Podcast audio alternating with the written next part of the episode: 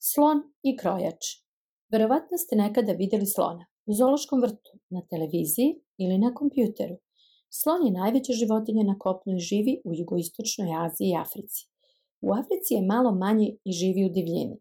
U jugoistočnoj Aziji je slon pripitomljen i pomaže ljudima svojom mudrošću, ljubaznošću i snagom. Slon je vredna životinja koja je veoma poslušna.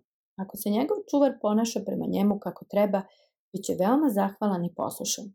Neumoren je, vredan i mnogo snažan. On i razume sve. Međutim, slon ne može da se nosi sa nepravdom.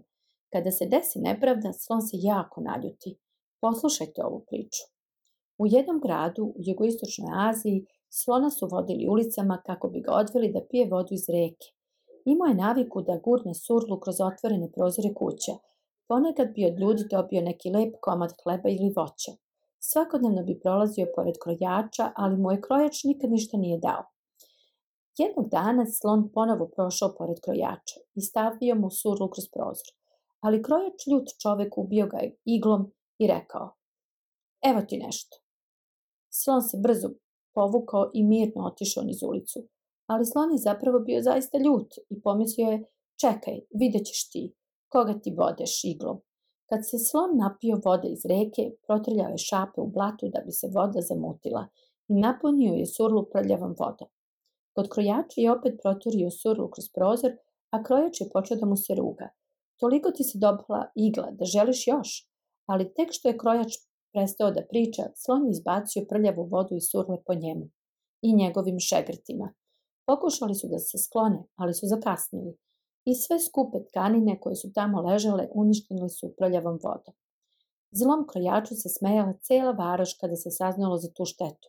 Rekli su, krojač je dobio što je zaslužio. Nije trebao da naudi tako slatkoj životinji.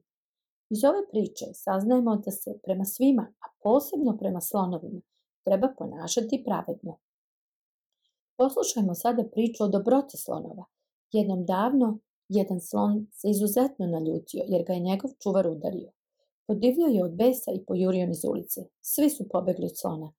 Žena iz bašte, koja inače dala svom malom detetu da da slonu malo trave, brzo je otišla, ali je u žurbi zaboravila svoje dete. Slon je išao prema, prvo prema detetu. Svi su mislili da će dete biti zgaženo, ali dogodilo se nešto čarobno.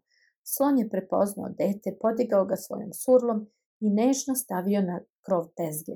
Slon se smirio i čak i dozvolio svom čuvaru da ga povede. Iako se čuvar užasno ponašao prema slonu, slon mu je oprostio i priča se da ga nikad više nije udario.